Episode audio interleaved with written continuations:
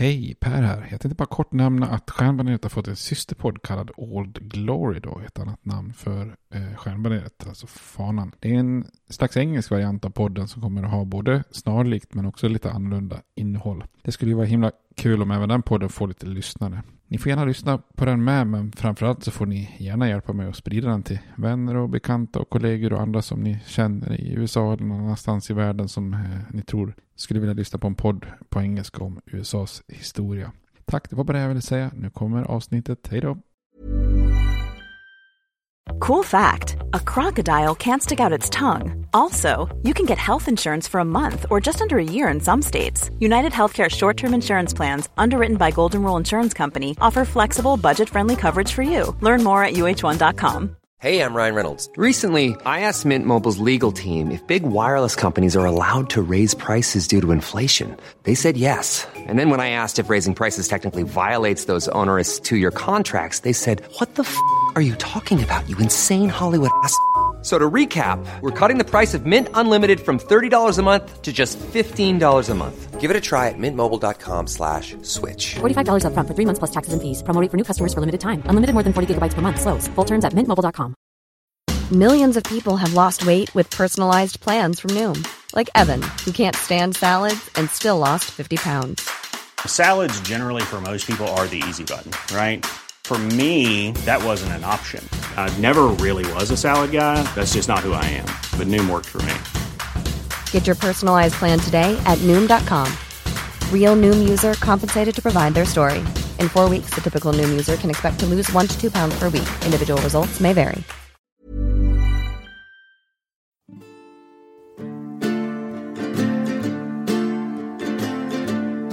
We hold these truths to be self evident that all men are created equal, that they are endowed by their Creator with certain unalienable rights, that among these are life, liberty, and the pursuit of happiness. Now we are engaged in a great civil war, testing that government of the people, by the people, for the people, shall not perish from the earth.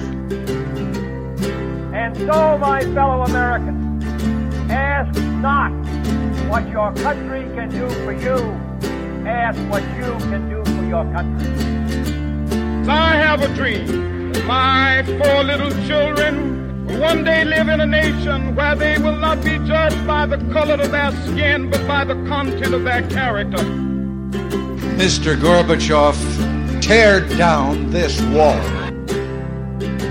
I did not have sexual relations with that woman, Miss Lewinsky. Då säger jag hej och välkomna till Stjärnbaneret, en podcast om USAs historia med mig Per Fjärdingby. Eh, vi fortsätter i vår översiktsserie och eh, vi har kommit fram till första världskriget. Förra gången såg vi lite grann hur landet sakta drogs in i första världskriget och hur debatterna gick heta om vilken slags policy man skulle ha då i förhållande till kriget som bröt ut i Europa. Och vad det här hade för följd för den amerikanska neutraliteten och hur mycket pro-allierat man egentligen var då. Och vi såg ju också hur Wilsons policy var ganska eh, svag och sårbar då i förhållande till eh, tyskarnas ubåtskrig. Sen tittade vi lite grann på lite olika händelser då som de här olika sänkningarna av båtar och vi pratade om den här Lusitania-katastrofen. Vi pratade om det här Zimmerman-telegrammet som skapade upprörda känslor och så vidare. Och efter mycket turer fram och tillbaka så anslöt sig till slut USA till kriget. Eh, och det var ju efter att tyskarna chansade och gick all in kan man säga då på, på ett förnyat ubåtskrig. Eh, och frågan var ju då nu här ifall USA kommer att hinna rädda de allierade när tyskarna skulle satsa allt på västfronten efter att östfronten fallit med den ryska revolutionen. Då.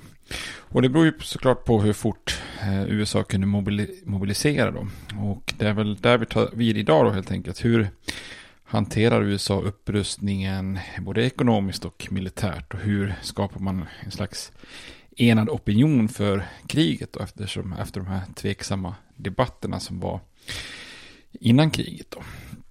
Innan vi hoppar in på det så tänkte jag också bara be om ursäkt, jag slarvade lite grann med de här allianserna här. Det var några som påpekade jag har en tendens att blanda ihop de här olika uttrycken där. Eh, jag vet inte om det spe, speciellt tenderar till att alltid komma in på det här med axis of evil, eller axelmakterna, som jag råkar säga. Det, det är ju, jag kommer oftast in på det med tanke på George W. Bush här, lite mer nutida. Han körde ju med någon slags koppling mellan det han tyckte var skurkstater idag då och de här axelmakterna från andra världskriget då. Och det här poppar liksom alltid upp i mina tankar. Det här, jag älskar det här Will Ferrell-sketchen i Saturday Night Live. Där han gestaltar eh, W. Bush och inkluderar och exkluderar länder och personer i den här Axis of Evil. Jag tror vi har faktiskt har nämnt den tidigare, jag och Robert, i något avsnitt. Men har ni inte sett det klippet så, så googla på Will Ferrell och Axis of Evil och kolla på Saturday Night Live. Det är fantastiskt bra sketch där. Men ska man vara noga här då, axelmakterna som jag råkade nämna, det är ju andra världskriget då. Eh, I samband med första världskriget så ska vi istället vara noga och säga att de begrepp som fanns för de tyskledda allianserna är ju trippelalliansen och centralmakterna. Och trippelalliansen var ju någonting som existerade innan kriget då, Tyskland tillsammans med Österrike, Ungern och Italien. Så. Men sen när kriget väl kom 1914 så hoppade liksom Italien av den här trippelalliansen. Och senare så anslöt sig de då 1915 till Antanten då, alltså Storbritannien, Frankrike och Ryssland då. Och därmed kan man väl säga att den här trippelalliansen upphör då. Eh, så att eh, den alliansen som fanns kvar med Tyskland och Österrike-Ungern kallas istället för centralmakterna. Och 1915 fick ju den eh, centralmakten utökning med det ottomanska riket och jag tror även Bulgarien. Så att eh, jag skulle kanske ha använt uttrycket eh, centralmakten eller trippelalliansen beroende på vart vi var rent tidsmässigt. Då. Men det är många som jag tänker mig är på tårna när det gäller första och andra världskriget. Så att jag får försöka vara noga, noga med begreppen. Men innan vi går in på historien då så fortsätter jag att ge lite öltips och går igenom olika ölstilar här. Och vi, idag tänkte jag att vi skulle gå igenom det som kallas för lite olika ord här. Märtsen, Oktoberfest, Wiener, Bayerskt. Eh, och vi har ju pratat väldigt mycket om olika ljusa och mörka lager. Och idag tänkte jag att vi skulle ta lite grann mittfältet. Alltså en slags lite, vad ska man säga, liten mellanmörk eller gulbrun aktig liksom eh, lagervariant. Och det finns lite olika namn för snarlika stilar från olika länder. Och ursprunget, ursprunget till den här stilen är egentligen ölstilen Märzen som man började brygga ganska tidigt i Bayern och kanske redan på 1500-talet. Och på den här tiden så bryggde man ju främst under vinterhalvåret. Bryggde man under de varma sommarmånaderna så fick man ju snabbt problem med vildgäst som satte sig i ölen då och surnade, gjorde den sur då. Det fanns till och med lagar som förbjöd folk att brygga från ja, men säg typ slutet av april fram till kanske början, slutet av september. Och för att klara behovet av öl, måste ju ha öl på sommaren såklart, så byggde, bryggde man då rejält i mars, därav då namnet Märtsen. Ehm, och då bryggde man något lite extra starkt och kanske lite extra välhumlat humlat öl då som sen man kunde lagra i, i svala bergsgrottor eh, under sommaren då för att hålla fram till hösten.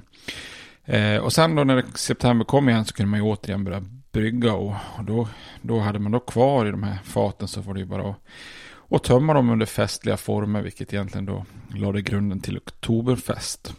Egentligen är det ju förknippat också med ett specifikt bröllop, men jag tänker mig att för de gemene, gemene man var det mer fest att tömma faten än att, än att det var ett bröllop då.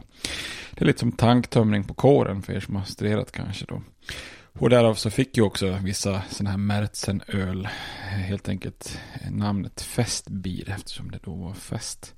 Och från början var det här ett ganska mörkt och grumligt öl men så fanns det två bryggare i Wien i Österrike som kom på att man kunde göra lite ljusare malt i början på 1800-talet eller i mitten av 1800-talet. Och då började man brygga ett öl som man då kallade för viner efter, efter staden Wien. Och bryggare i München tog ganska snabbt efter det här. Började göra sina märtsen lite ljusare då så att de blir lite mer gulbruna färgen som, som då blir vanlig. Och, eh, idag så kanske oftast oktoberfestölet nästan glidit över och blivit riktigt ljus lager då. Men den här lite mer mellanmörka ölstilen togs över i många länder och till exempel i Sverige så fick den oftast namnet Bayersk då, att man utgick från regionen där, eh, där München ligger då snarare då. Eh, och en sån här Merzel eller Wiener eller Bayers bryggs oftast med en, en malt som idag kallas för wienermalt som är en förhållandevis liksom, lite lätta kopparfärgade nästan, eller svagt, svagt gulbruna toner då. Och ger lite så här kola, lättrostat, lättrostat bröd och så vidare. Det finns ju också tjeckiska varianter som är så här ljusbrun till brunorange och eh, det är ju oftast en, den tjeckiska är oftast en korsning mellan, mellan den mörka lagen och den ljusa som finns i, som är mer vanliga i Tjeckien då. Eh, och det här är ju tydligt, ett öl som är tydligt inspirerat av den här tyska Märzen eller den här österrikiska vinen då. Men oftast lite mer bäskare när det blir en tjeckisk öl då. Eh, och sen så finns det såklart mycket mer moderna humlebaserade varianter som, som har kommit idag då. Så vill man ha någonting tyskt Oktoberfest då kan man ju satsa på en Spaten Oktoberfest. Och även Samuel Adams i USA gör en väldigt bra Oktoberfestöl. Och vill man ha en klassisk svensk kan man ju ta Falcon Bayerst. Eller och man kan också ta Jämtland Bernsten som är en fin sån mellanlager. Eh, eller Nils Oskars kalasöl. Eh, Brooklyn Lager faktiskt brukar räknas med vin. Det är en öl som många tror jag har testat med. Men den är ju väldigt modern då, med mycket humle också. Och vill man ha en tjeckisk så finns Staropramen Granat som är en sån mellanvariant. Men det var en typ av lager. I nästa avsnitt tänkte jag att vi skulle fortsätta gå igenom ytterligare en lager. Om jag tar de ljusa bockölen. Det finns lite olika namn. Majbock, Hellesbock, Icebock. Och hittar man någon Einbecker urbock eller Schönbrunner urbock eh, så, så kan man försöka få tag på den. Jag tror att det finns någon inne på Systembolaget nu som, jag undrar om inte den är en Schönbrunner urbock. Så testa den.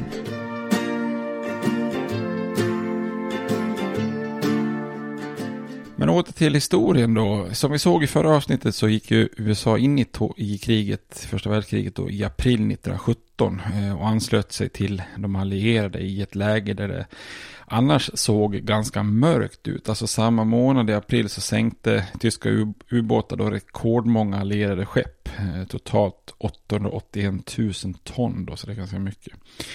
Det förekommer myterier i den franska armén och en brittisk offensiv i Flandern misslyckas. Och I november så, så kommer de ryska bolsjevikerna överens med Tyskland om en separat fred, vilket friar då eh, tyska trupper från östfronten som kan strida på västfronten istället. Och på sydfronten så leder, lider italienarna stora förluster mot tyskar och österrikare då.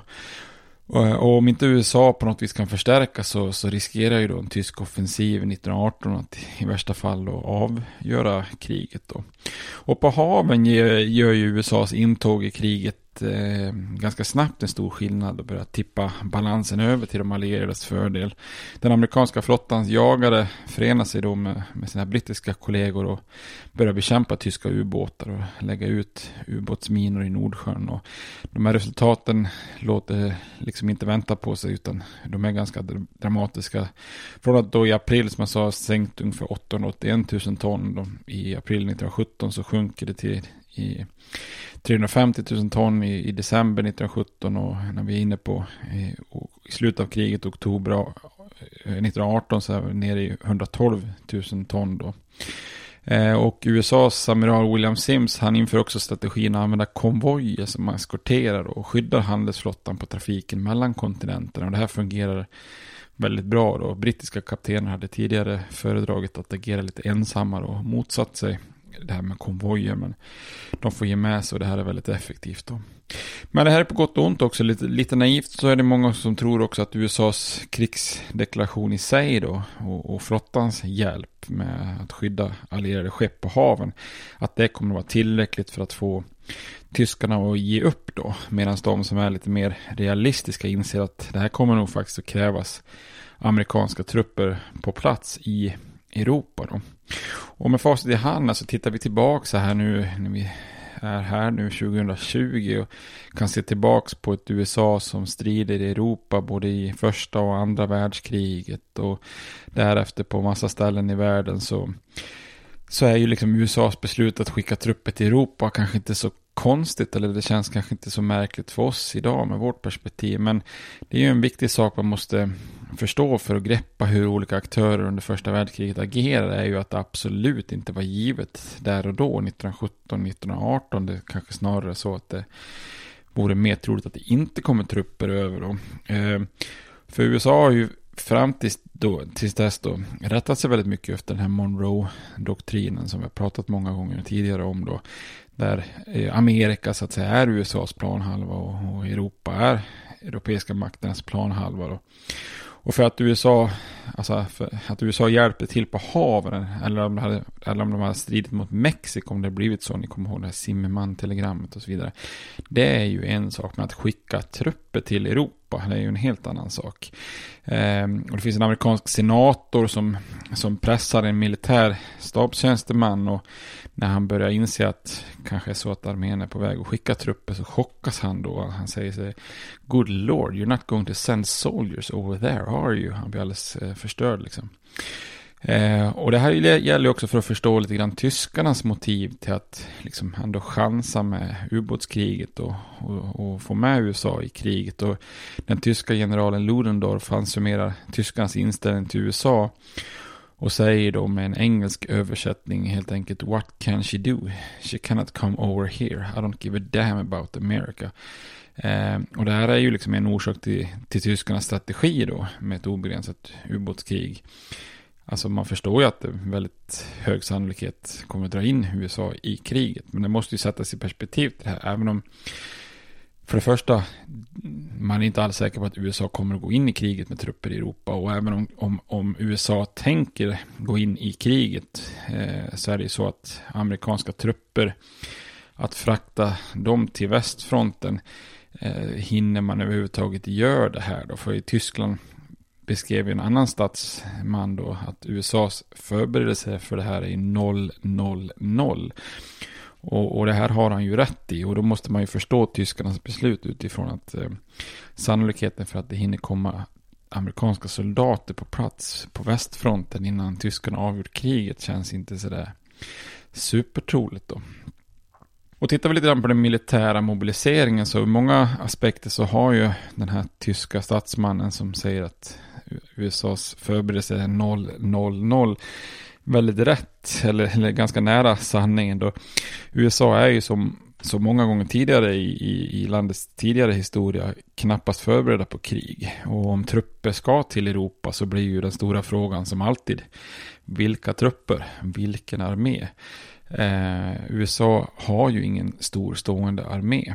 Man har ju liksom fortsatt med det här med liksom milistrupper, nationalgarde och, och har en väldigt liten federal armé.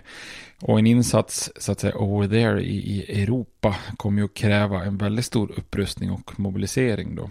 Eh, och det fanns i april 1917 200 000 man i den reguljära armén då. Eh, beväpnade dessutom med äldre gevär och man har ungefär 1500 kulsprutor och två uppsättningar med fältradioutrustning.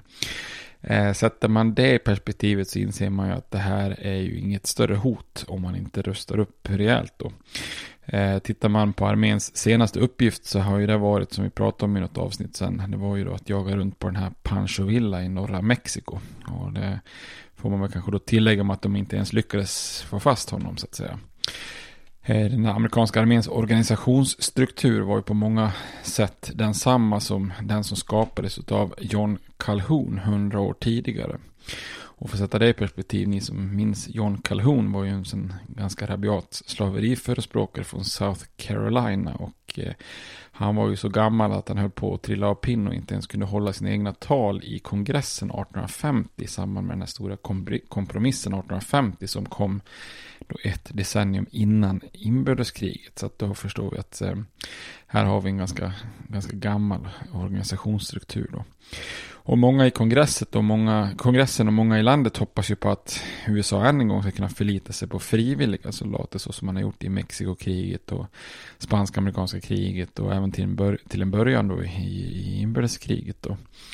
Eh, och krigsdepartementet försöker ju först få amerikanska män att frivilligt ta värvning. Miljontals med postrar klistras, klistras upp över, över landet och eh, broschyrer delas ut. Eh, och på många så finns ju den här numera väldigt ikoniska bilden av USA då, och staten personifierad i den här karaktären Uncle Sam med, som oftast har en rätt brutal hatt på huvudet som liksom pekar och titta på den som, som tittar på bilden med texten I want you. Eh, då ska man in i armén alltså. Men det fanns ju också liknande bilder som försökte locka män att ta värvning genom att visa till exempel barn som har mördats av tyska trupper eller visa ubåtsoffer. Och en annan känd bild försöker spela lite grann på det här med manlighet och sånt. Där är det en ung kvinna i sjömanskläder som, som, som säger sig Gee, I wish I were a man, I'd join the Navy. Och eh, försöker liksom verkligen då spela på det på, på manligheten då. Och det är ju frivilliga som tar värvning då. Eh, men för att kunna göra avtryck i första världskriget så skulle det ju behövas betydligt fler. Och president eh, Woodrow Wilson förstår ju att en nationell så kallad draft behövs då, alltså ett slags värnpliktslag där alla krigföra män utgör en pool som man sedan då draftar fram namn, eller drar fram, eller lottar fram namn för att kalla in och, och tjänstgöra i armén då. Och han var ju övertygad också om att det här skulle vara ett lite mer demokratiskt system och mer effektivt då i, i bästa progressiva andan eftersom han var progressiv själv. Då. Eh, det fanns ju emellertid väldigt mycket utmaningar att övervinna med det här. Dels var ju en draft på många sätt ett verktyg som många amerikaner ansågs, alltså, anses strida mot den individuella friheten att tvingas in i armén. För vissa är det ju liksom väldigt liten skillnad på att tvångsinkallas i armén jämfört med att sättas i fängelse. Eh, själva systemet också att ha en sån här draft fick ju också enormt med kritik under inbördeskriget. Och då det var första gången man liksom använde draft. Eh, då fanns det ju möjligheter för rika att undantas. Och, det här skapade ju väldigt mycket klasskamp och eh, både våld och uppror. Ni som har lyssnat på miniserien om inbördeskriget vet ju att 1863 är det ju ett enormt upplopp i New York. Då det största i landets historia som där till och med veteraner från, från slaget i Gettysburg får rycka in bara några månader efter slaget för att liksom slå ner upproret i New York. Och det, mycket av det här, det här uppro, upproret kommer sig av den här draften då. Så man försöker ta sig runt de här mer kritiserade aspekterna, bland annat genom att inte ens använda själva ordet conscription, alltså inkallelse eller värnplikt, utan man använder ett lite finare uttryck som heter selective service. Det låter lite trevligare och lite mindre kontroversiellt. Dessutom ger man då uppdraget att hantera den här draften till eh, lokala myndigheter, för då, då känns det inte riktigt eh, det kommer liksom inte att kännas som att det är den federala makten som sträcker ut sin hand för att tvinga in folk i armén, utan det är de lokala myndigheterna som, som folk känner så att säga.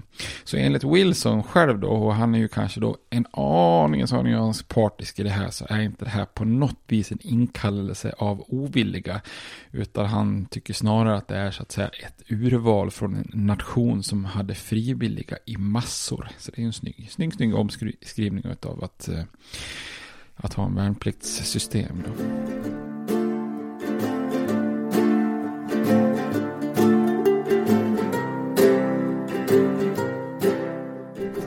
Oavsett vad Wilson kallar det här så skulle det till slut i alla fall 24 miljoner män registreras för draften då och till slut skulle nästan 3 miljoner tjänstgöra i armén och ytterligare 2 miljoner i de andra vapenslagen och funktionerna. Då.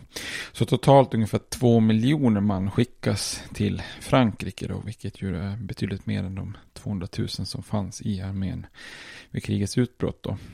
Det finns också en anekdot kring det här med Wilsons genomdrivande av draften. Då. Enligt den så, enligt den, innan eh, den hade kommit och så började han drömma mardrömmar att om ifall kriget utgick ifrån enbart frivilligt organiserade styrkor så, så skulle Theodore Roosevelt återuppliva sina Rough Riders och dra fram segervis genom Europa. Ni kanske minns det här från spansk-amerikanska kriget, hur, hur mycket uppmärksamhet han fick och blev ju hans språngbräda in till presidentposten. Och det här var ju Wilsons liksom värsta mardröm då, republikanen eh, Roosevelt, om han hade lyckats göra något sånt där. Så han låg väl svettig och drömde i sin säng där och tänkte nej, nej, nej, detta får inte ske. Så om inte annat så behövdes draften för att inte den här mardrömmen skulle gå i upplys, upp, uppfyllelse.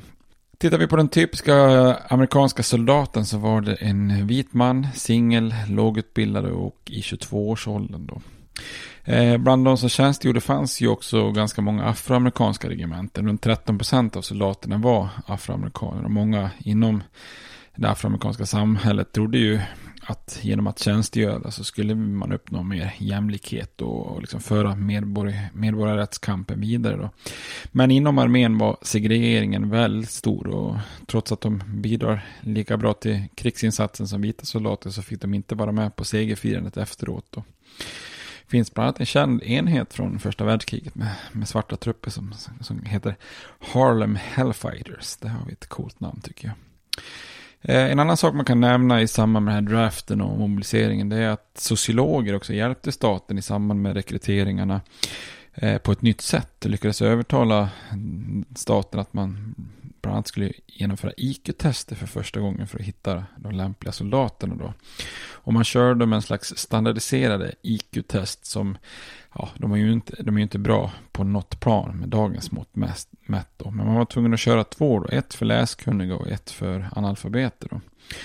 Och resultatet ansågs lite anmärkningsvärt och för, för första gången så insåg man ju att det är otroligt många fler amerikanska män som är analfabeter än vad man faktiskt trott från, från första början. Då. Eh, och testen för just den gruppen som inte var läskunnig blev ju också otroligt missvisande. Eh, den bestod ju av bilder eftersom de inte kunde läsa. Och så skulle man då helt enkelt titta på en bild och så tala om vad som fattades. Eh, det kunde vara till exempel en tennisbana utan nät, en kamel utan puckel, ja, den typen av bilder då. Och den lite tveksamma slutsatsen man drog då var att inhemska vita protestantiska män var väldigt mycket mer då överlägsna och smartare IQ-mässigt än till exempel afroamerikaner och immigranter från östra och södra Europa. Då. Man hade liksom inga tankar på om kan det här vara en grupp som kanske aldrig har sett en tennisbana till exempel.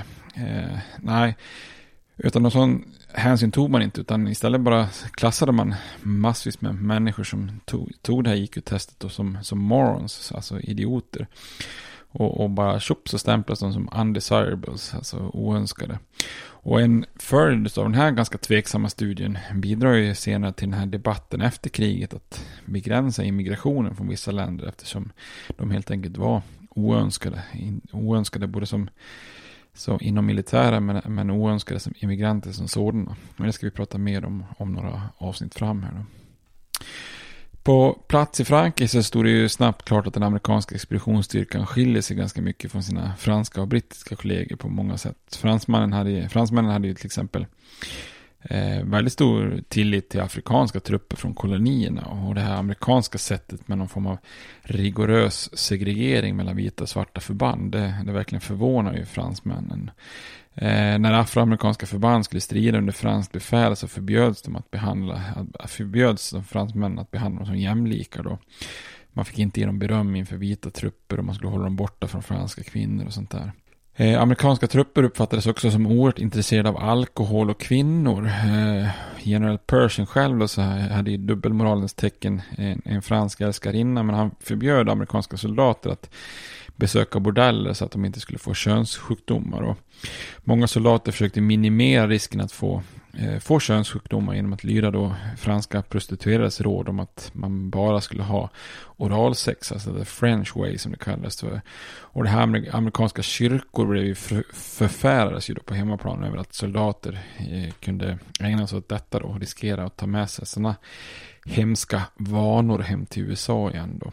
Och fransmännen de förvånades över de amerikanska soldaternas nästan bizarra besatthet av, av både sex, alkohol och segregering då egentligen. Eh, och eftersom kvinnor och alkohol var svårt att få tag på för trupperna eh, och även då förbjudet så blev det också så att eh, det var oftast tobak som blev en tröst. Och det i form av de nya cigaretterna. För Tittar man på USA innan kriget så konsumerades ju det mesta av tobaken som endera cigarrer eller som tuggtobak som ju var väldigt populärt. Eh, 16 delstater hade till och med förbjudit cigaretter som ett hot mot hälsan. Så här låg man ju liksom egentligen kanske mer rätt då. Men i skyttegravarna så var ju stunder då man kunde röka cigar cigaretter då en av de få positiva inslagen och, och förstärkte ju också liksom den kamratliga andan då, att man delar sig. Eh, så eh, bland annat general Pershing själv menar ju att cigaretter var lika viktiga för männen som kulor. Och tittar man på sådana organisationer som Röda Korset och Frälsningsarmén så blev ju de lite då, ironiskt kan man nästan säga, världens största cigarettdistributörer. Eh, med tiden så skulle ju cigaretter döda oändligt många fler amerikaner än skyttegravarna på västfronten. Men det, det, var kanske inte något man hade insikt om där och då. då. Eh, de amerikanska soldaterna i skyttegravarna, eh, alltså främst infanterister då, eh, kallades under första världskriget för doughboys. Alltså, jag kan väl översätta det med typ deggrabbar. Ursprunget till den här termen är lite oklart om jag förstått rätt. Men alltså från allra första början i England så, så fanns det ju ett enkelt bröd eller bakverk av mjöl som en slags rund boll då. Inte jätteolikt det som sen blir munkar eh, som då kallades för doughboys. Och i USA så började man också kalla unga bagarlärlingar för doughboys. Eh, och sen i USAs krig eh, mot Mexiko eh, började kavallerister att kalla in, infanterister för doughboys. Eh, även det är lite oklart och en teori är att de tyckte att infanteriuniformernas knappar eller bältespännen i vitt ser ut som det här bakverket. Och en annan är att man trampade runt i de här dammiga ökenklimatet så att hela soldaterna var ljusa och dammiga och såg ut som det här bakverket. Då. Men hur, pratar man om doughboys så är det då amerikanska soldater under första världskriget. Det finns ju andra länder som har ungefär snarlika namn eller att, det, att man skapar sådana här namn. Det är ganska vanligt och jag tror att om det är soldater från Australien eller eller Nya Zeeland eller båda. Ja, jag vet inte. De brukar kallas för Digger och brittiska kallas ju för Tommies. Eh, och det kan man ju också jämföra med till exempel under inbördeskriget och kallades ju för Söderns eh, konfedererade soldater för Johnnies eller Johnny Rebs utifrån Rebel då. Eh, och det finns ju också ett uttryck för nordstatssoldater då, Billy Jank, men det, det har ju uppkommit efter kriget då. Men det finns också en, en, eh, ett litet skämt förknippat med detta under första världskriget eh, som också då förklarar det här, liksom att det här förklarar USAs sena inträde i kriget. Man menar att de amerikanska soldaterna helt enkelt började knådas 1914 men hade inte jäst ut förrän 1917. Ja, det är inte vansinnigt roligt.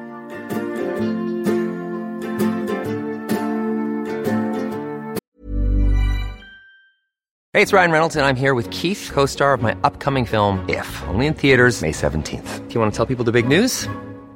All right, I'll do it. Sign up now and you'll get unlimited for $15 a month in six months of Paramount Plus Essential Plan on us. Mintmobile.com slash switch. Upfront payment of $45 equivalent to $15 per month. Unlimited over 40 gigabytes per month. Face lower speeds. Videos at 480p. Active Mint customers by 531.24 get six months of Paramount Plus Essential Plan. Auto renews after six months. Offer ends May 31st, 2024. Separate Paramount Plus registration required. Terms and conditions apply if rated PG. I'm Sandra, and I'm just the professional your small business was looking for. But you didn't hire me because you didn't use LinkedIn jobs. LinkedIn has professionals you can't find anywhere else, including those who aren't actively looking for a new job but might be open to the perfect role, like me.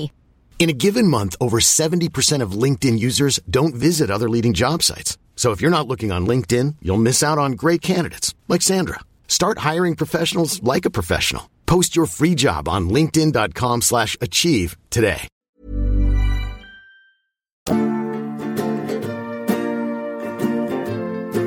USA mobiliserar ju också väldigt mycket ekonomiskt då. Och här är nästan mer imponerande än den militära eh, mobiliseringen. Eh, när kriget slutar så har den federala staten totalt baskat fram 32 miljarder dollar för utlägg av krigskostnader. Då. Och för att vara USA den här eran så är det här en enorm summa då. Eh, man kan jämföra den då, hela den federala budgeten hade bara någon enstaka gång överskridit en miljard. Alltså på, på årsbasis då. Och landets BNP hade som högst varit 35 miljarder då. Och i det här sammanhanget så blir ju 32 miljarder en ganska imponerande siffra då. Eh, framförallt använder man två verktyg. Det ena är ju försäljningen av, av, obligationer till allmänheten. Och de här får ju då namnet Liberty Bonds. Eh, och de styrande försöker också lyckas, eller ja, lyckas på något vis får det här köpet eh, av de här obligationerna, obligationerna starkt förknippat liksom med patriotism. Så har du ekonomiska medel men inte köper, ja men då får du nästan stämpeln som opatriotisk då. Så 1920 när man räknar samman det här eh, efter kriget så hade man sålt sådana här Liberty Bonds för nästan 23 miljarder då. Så att de går verkligen åt som, som smör i solsken då. Dessutom infördes ju nya skatter som drog in nästan 10 miljarder då. Man införde vinstskatter och arvsskatter och annat liksom. Men framförallt är det ju då Woodrow Wilsons nya graderade inkomstskatt som jag tror vi pratade om lite grann i tidigare avsnittet. Det här var ju flera av de här skatterna hade ju varit omöjliga om inte det här 16 tillägget i konstitutionen hade drivits igenom som jag också tror vi nämnde tidigare.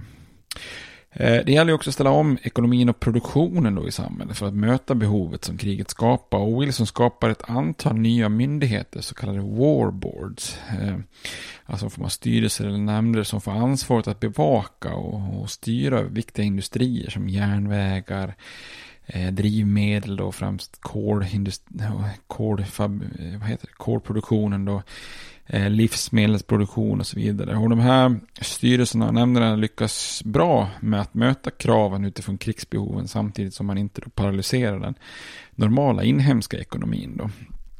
Och det finns ett antal sådana här som är riktigt kända då. En av dem är War Industries Board som koordinerar statens inköp av militära förnödenheter. Och den bestämde vilka industrier som skulle producera vilka produkter. Eh, satte priser som gjorde att olika branscher då får slåss om upphandlingar. Eh, en annan sån här myndighet var Food Administration som var en, en myndighet som både såg till att livsmedelsbranschen fungerade i USA men framförallt att den skulle skapa ett överskott som sen kunde säljas till Europa då. Eh, där ett antal länder som till exempel Belgien hade ett skriande behov av liksom, livsmedel då. Eh, och för att liksom kunna öka den exporten också och så vidare så eh, uppmanas till exempel amerikanska hushåll att ha köttfria dagar till exempel, odla mer än någonsin i sina trädgårdar och så vidare. Eh, president Wilson själv föregick, eh, föregick till och med med gott exempel genom att låta får gå och beta i Vita husets trädgård. Så det är ju en spännande lösning. Den hade man inte kunnat se idag kanske. Eller ja, det kanske man hade kunnat. Eh, en tredje man kan nämna är National War Labour Board som kunde medla i dispyter på arbetsmarknaden. Och här kan man säga att Wilson och de progressiva inom hans parti och Demokraterna nästan utnyttjade kris, krigets kris för att i vissa branscher driva igenom reformer som till exempel åtta timmars arbetsvecka, lika lön för lika arbete för kvinnor inom vissa branscher, eh, er, erkännande av fackens rätt att förhandla kollektivt med mer. Samtidigt så krävde man ju då att arbetsmarknadens parter i den här tiden av krig då varken strejkade eller lockoutade då. Och när strejker ändå hotades, till exempel telefon och telefon, telegrafbolag, så då tog staten helt enkelt bara över dem då. Så första världskriget är ju en jättestor katalysator för att skapa nya federala myndigheter och innebär ju också att mängder av affärsmän tas in som myndighetschefer. Så kriget blir ju en karriärväg för väldigt många då. Eh, man kan ta något exempel, ett är Herbert Hoover som senare blir president som han chefade över den här Food Administration. Eh, och juristen Felix Frankfurter som senare blir domare i HD, han eh, chefade faktiskt över War Labour Board. Han var faktiskt också född i Österrike-Ungern på motståndarsidan. Eh, USA kom i alla fall ur första världskriget som världens starkaste ekonomi då. Eh, 1914 hade USA varit ett land där internationella skulder till investerare i Europa var större än, än utlåningen från USA. Men bara fem år senare då efter kriget skulle USA vara en enormt stor kreditgivare. Så kriget har då gjort USA till i princip världens främsta ekonomiska makt. Och det här kommer vi att titta mer på framöver i avsnitten. Då. Kriget påverkar ju också arbetsmarknaden på fler sätt. Alltså den här draften av män till armén i kombination med att mängden immigranter från Europa sjönk väldigt kraftigt under krigsåren skapar ju en väldig brist på arbetare inom krigsindustrin då. Eh, precis i, i, ett läge när man ska gasa på i full, full sula då. Och den här bristen på arbetare fylldes då främst av kvinnor och afroamerikaner kan man säga. Eh, första världskriget innebär ju att fler kvinnor än någonsin tar industrijobb. Totalt över en miljon kvinnor jobbar inom krigsindustrin. Då. Framförallt inom livsmedel och flygplans och elbranschen. Där utgjorde kvinnor kanske ungefär runt en femtedel av arbetskraften. Då. Och i vissa branscher lyckas de faktiskt med god hjälp av den här War Labour Board uppnå jämlika löner för likvärdigt arbete. Då. Eh, Medan i, i andra branscher så stod man fast liksom med mycket mindre betalt än männen. Då. Men en annan källa av arbetare för krigsindustrin var afroamerikaner från, från södern. För nu med start 1916 ungefär Eh, så börjar en väldigt stor mängd av afroamerikaner att lämna jordbruken i söder och, och flytta norrut. Då. Och agenter från industrier, eh, industrier i norr reser runt i södern och lovar jobb och höga löner och gratis resor för fattiga afroamerikaner som vill slippa undan sina eländiga jordbruksarbeten i, i södern där man kanske har kämpat på i flera generationer som sådana här sharecroppers och så vidare.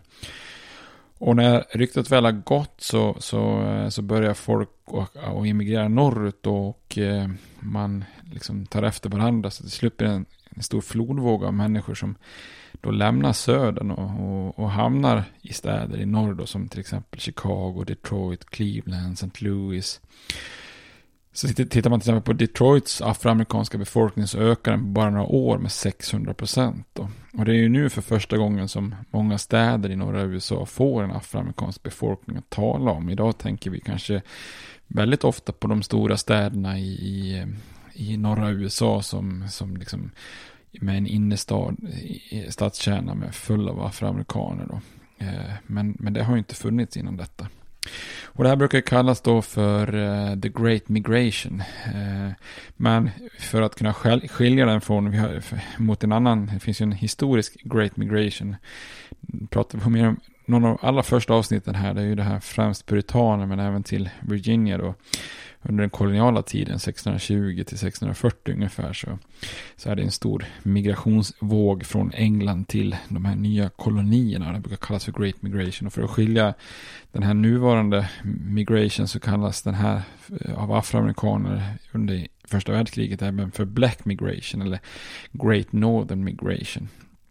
Eh, och de afroamerikaner som tar sig norrut Eh, de, de som är överrepresenterade är ju oftast yngre och ogifta. Och männen fick ju ofta jobb då i fabriker, och kolgruvor, lager, bangårdar, stålverk och liknande. Medan kvinnorna ofta fick jobb då i textilindustrin, affärer, och restauranger.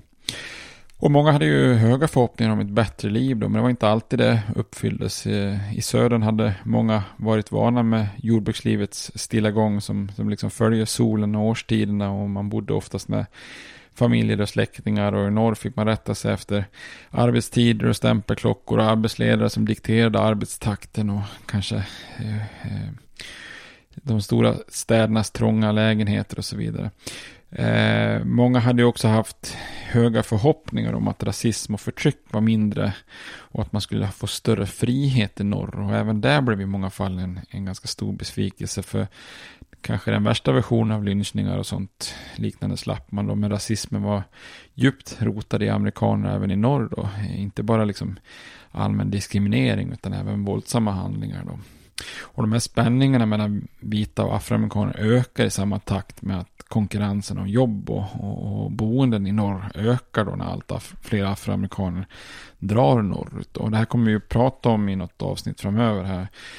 Men i slutet av eh, första världskriget och strax efter så är det ju eh, en väldigt topp då med mängder av rasupplopp i, i USA. Men det, det ska vi prata mer om senare då. Det kallas för Black Scare.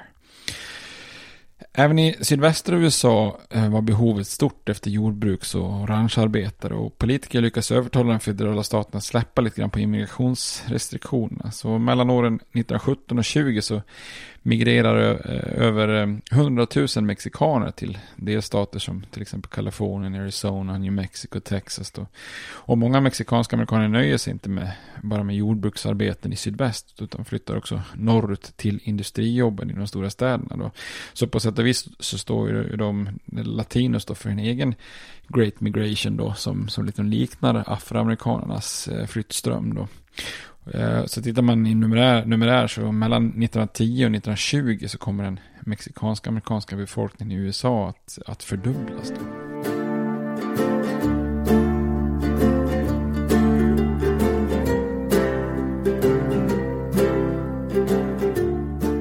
Som vi sa också så Woodrow Wilson och, och den federala staten får ju också jobba hårt för att skapa någon slags entusiasm för kriget. För det amerikanska folket hade ju, och politikerna hade ju varit väldigt kluvet inställda och splittrade angående första världskriget redan från start. Och debatten hade ju gått het som vi såg då innan landet ens dragits in i kriget. Liksom, ska, vi, ska vi ens vara med i kriget eller inte då?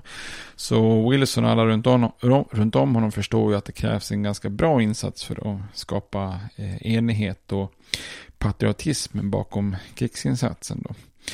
Eh, för att så att säga, ena opinionen och sälja in kriget som ett korståg för demokratin så skapades en, en väldigt stor propagandaapparat i form av CPI, alltså Committee on Public Information, som då leddes av journalisten George Creel.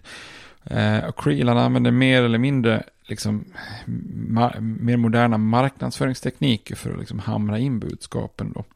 Så när myndigheten eh, distribuerar under kriget mer än 75 miljoner skrifter och posters och broschyrer och böcker och så vidare.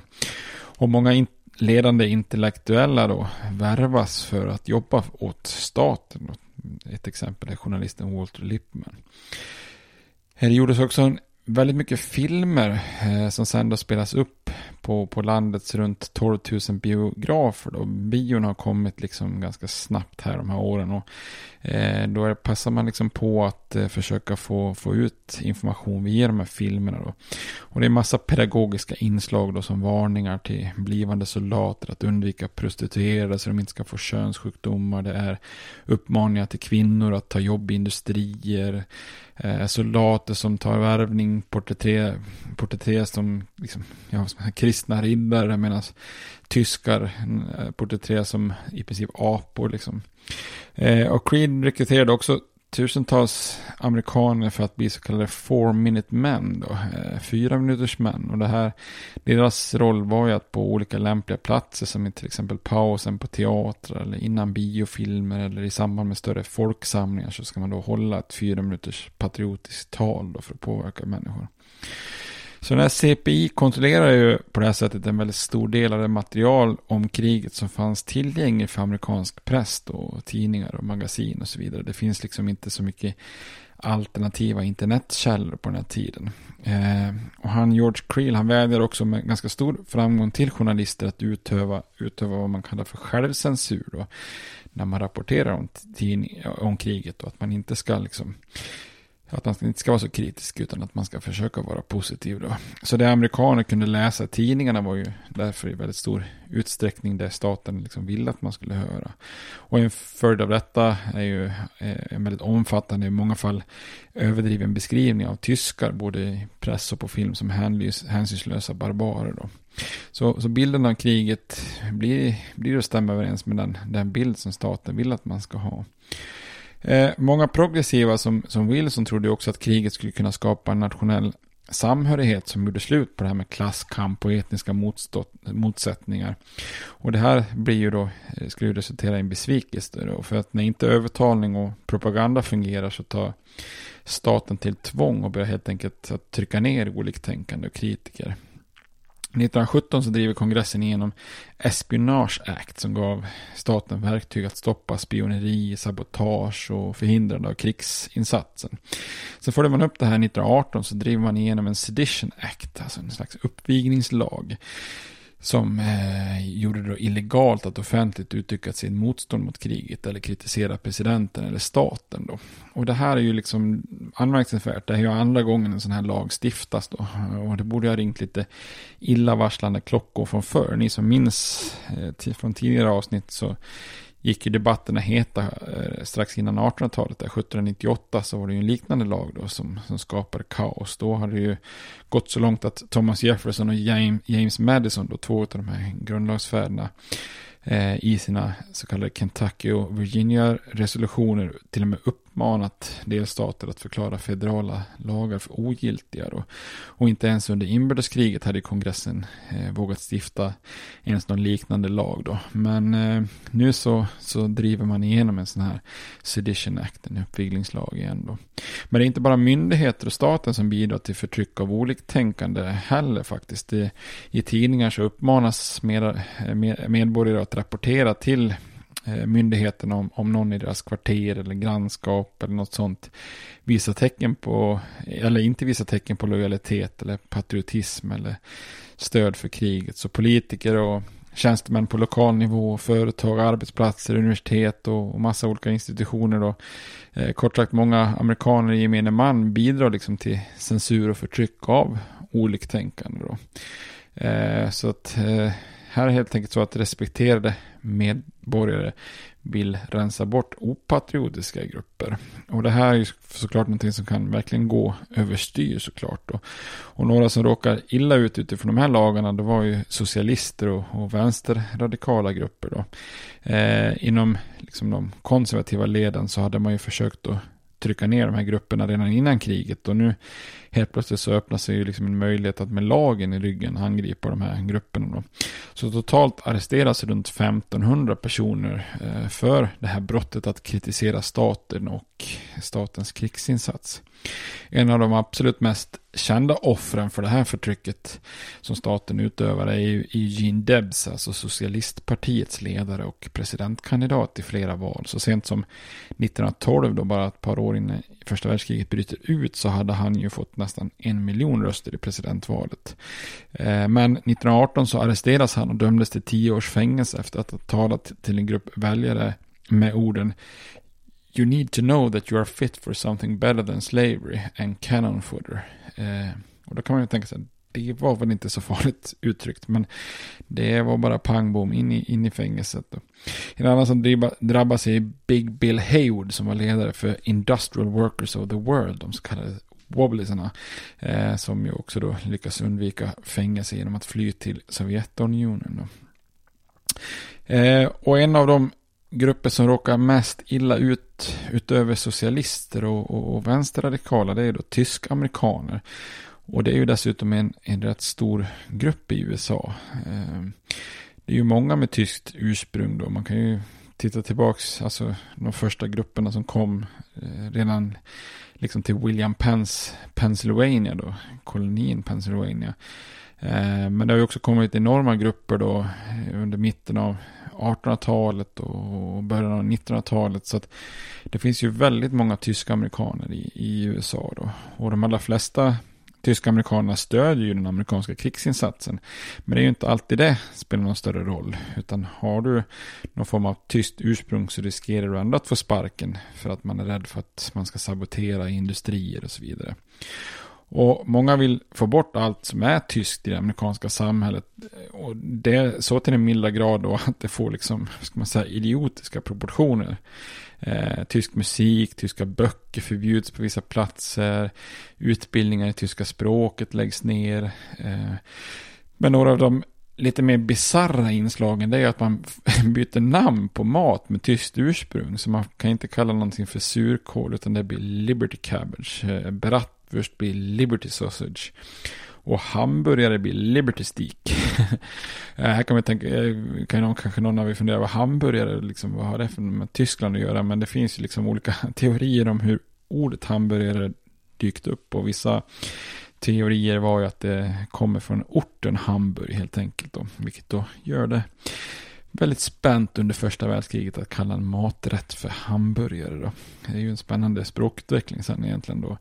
Att ham i hamburgare liksom har blivit själva biffen, även om liksom ham egentligen är skinka, det är lite underligt. Och sen andra ändarna, burgare, har blivit någon slags universal suffix liksom för att kombinera med andra ord, liksom fiskburgare, ostburgare och så vidare. Det är en ganska spännande språklig utveckling. Där kom jag ju bort från tråden, eh, kanske klipp, klippa det lite.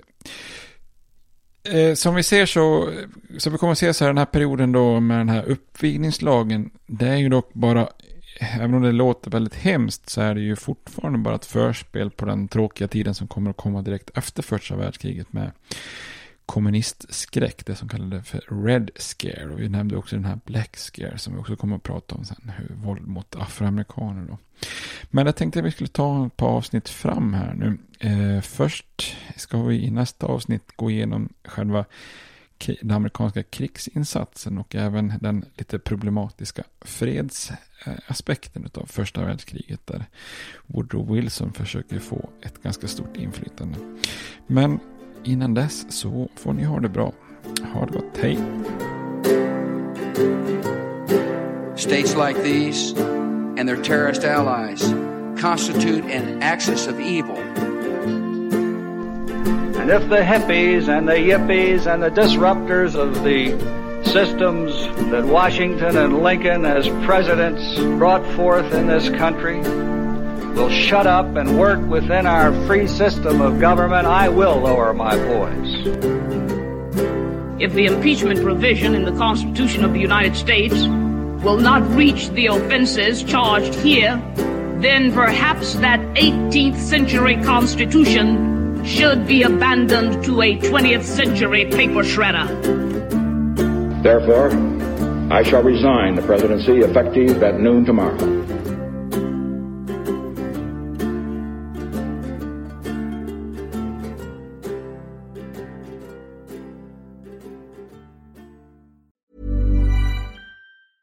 Hey, it's Danny Pellegrino from Everything Iconic. Ready to upgrade your style game without blowing your budget? Check out Quince. They've got all the good stuff shirts and polos, activewear, and fine leather goods, all at 50 to 80% less than other high end brands. And the best part? They're all about safe, ethical, and responsible manufacturing. Get that luxury vibe without the luxury price tag. Hit up quince.com slash upgrade for free shipping and 365 day returns on your next order. That's quince.com slash upgrade.